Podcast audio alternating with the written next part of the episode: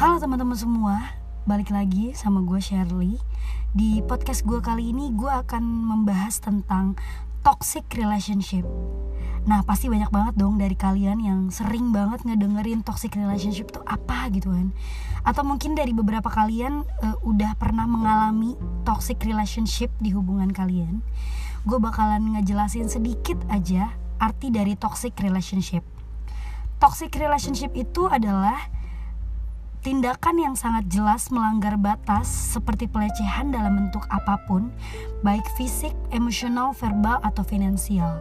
Simpelnya tuh uh, dalam hubungan kalian kalau kalian mengalami ini itu tandanya kalian udah masuk ke dalam kategori toxic relationship sih. Nah, gue bakalan ngebahas eh, ciri-ciri dari toxic relationship dan bakalan gue jabarin satu persatu.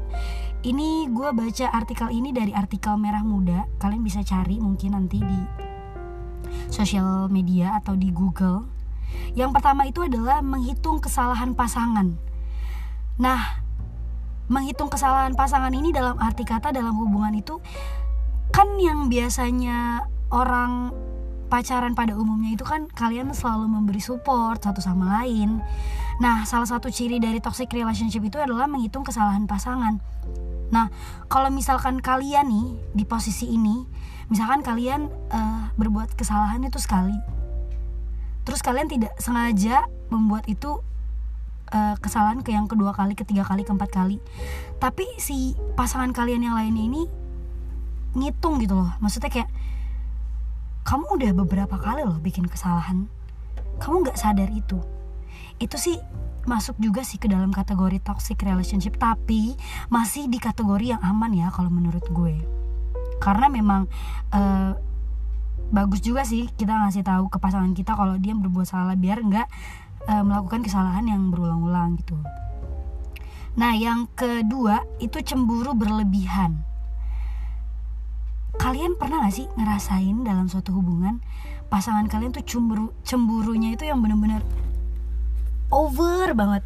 Sampai-sampai kalian tuh jalan sama keluarga kalian sendiri itu tuh kadang suka dicemburuin. Dan jujur ya gue pribadi gue sangat tidak suka dengan hubungan yang seperti itu. Karena menurut gue apa ya kebebasan dan privacy itu nomor apa nomor pertama sih. Karena kita manusiawi butuh privacy untuk diri kita sendiri jadi untuk dicemburuin berlebihan itu menurut gua adalah hal yang sangat-sangat tidak baik dalam suatu hubungan. Yang ketiga yaitu adalah menyalahkan atas kehancuran moodnya sendiri. Jadi misalkan kalian lagi atau nggak pasangan kalian lagi bete tiba-tiba. Terus yang disalahin malah kalian gitu loh. Ah gara-gara kamu nih mood aku hancur ah gara-gara kamu nih gini-gini. Tapi tanpa sebab yang jelas ya. Maksudnya gini loh. Kan kadang ada misalkan wanita lah ya. Cewek kita kayak uh, kayak kaum kaum perempuan. Biasanya ada yang namanya lagi halangan atau kayak gimana. Itu kan biasanya mempengaruhi banget tuh mood mood kalian yang tadinya seneng terus tiba-tiba jadi bete kayak gituan. Nah itu harus didasari dengan alasan yang jelas gitu. Tapi kalau misalkan tiba-tiba dia sebel dan nyalahin lo gara-gara lo gak ada salah apa pun itu menurut gue sih masuk ke kategori toxic relationship ya. Dan itu benar-benar harus dijauhin banget deh. Nah yang keempat itu adalah mengancam hubungan. Contohnya misalkan kalian lagi pacaran terus uh, salah satu dari kalian ada yang ke gap uh, chattingan sama sahabat gitu kan. Nah pacar kalian ini ngancam kalian gitu loh kalau kamu masih chattingan sama dia kamu hidupnya nggak akan lama. Kayak gitu gitulah itu menurut gue jauhin asli.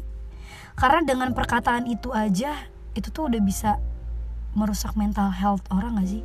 Orang kan berbeda-beda. Ada yang cuma dari kata-kata doang tapi namanya kata-kata itu diulang ulang ulang ulang eh kita kan gak ada yang tahu apakah dia bakalan ngelakuin perbuatan itu atau enggak gitu kan? Sumpah sih jauhin Nah, yang kelima adalah pasanganmu menginginkan dirimu sepenuhnya.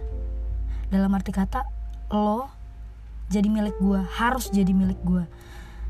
Tanpa belum ada ikatan yang jelas gitu kan, maksudnya belum ada ikatan pernikahan, kalian cuma masih pacaran, tapi dia menginginkan lo seutuhnya, itu masuk ke kategori toxic relationship menurut gue. Nah yang keenam pasanganmu super kompetitif Arti jadi kompetitif tuh Apa ya Gak ada rasa mendukung satu sama lain gitu loh. Pasti kan yang namanya dalam hubungan kalian butuh yang namanya effort dan kepercayaan dan dukungan gitu tuh pasti penting banget. Tapi kalau dari salah satu itu nggak ada yang saling mendukung dan hanya mendukung pasangannya tapi pasangannya nggak ada dukung balik mah gila sih. Itu aduh kacau. Parah banget sih itu menurut gue nah yang terakhir itu adalah kamu tidak menjadi diri kamu sendiri entah itu di lingkup keluarga sahabat atau teman-teman deket kalian pasti mereka bakalan ngerasa kalian itu sangat-sangat berbeda. Mereka merasa kayak lo sama dia kok lo berubah sih? Kok lo nggak jadi kayak lo sendiri? gitu. Kalau teman-teman kalian udah bilang itu ke kalian itu namanya kalian sudah menjalani yang namanya toxic relationship. Ya mungkin dari pembahasan gue sedikit ini kurang lebihnya adalah ya manfaatnya. Dan mungkin teman-teman juga pernah mengalami jadi gue sedikit sharing ke kalian. Kurang lebihnya mohon maaf. Dan gue uh, menemukan satu quotes yang menurut gue ini uh, bagus sih. Ini dari Ed bicara hati quotesnya isinya kayak gini. Ada rasa takut melepaskan diri dari dia. Padahal semua orang terdekatmu percaya kamu bisa. Nah pesan gue adalah kalau kalian menemukan pasangan toxic relationship dan menjurus mengubah diri kalian, pribadi kalian, lebih baik jauhin.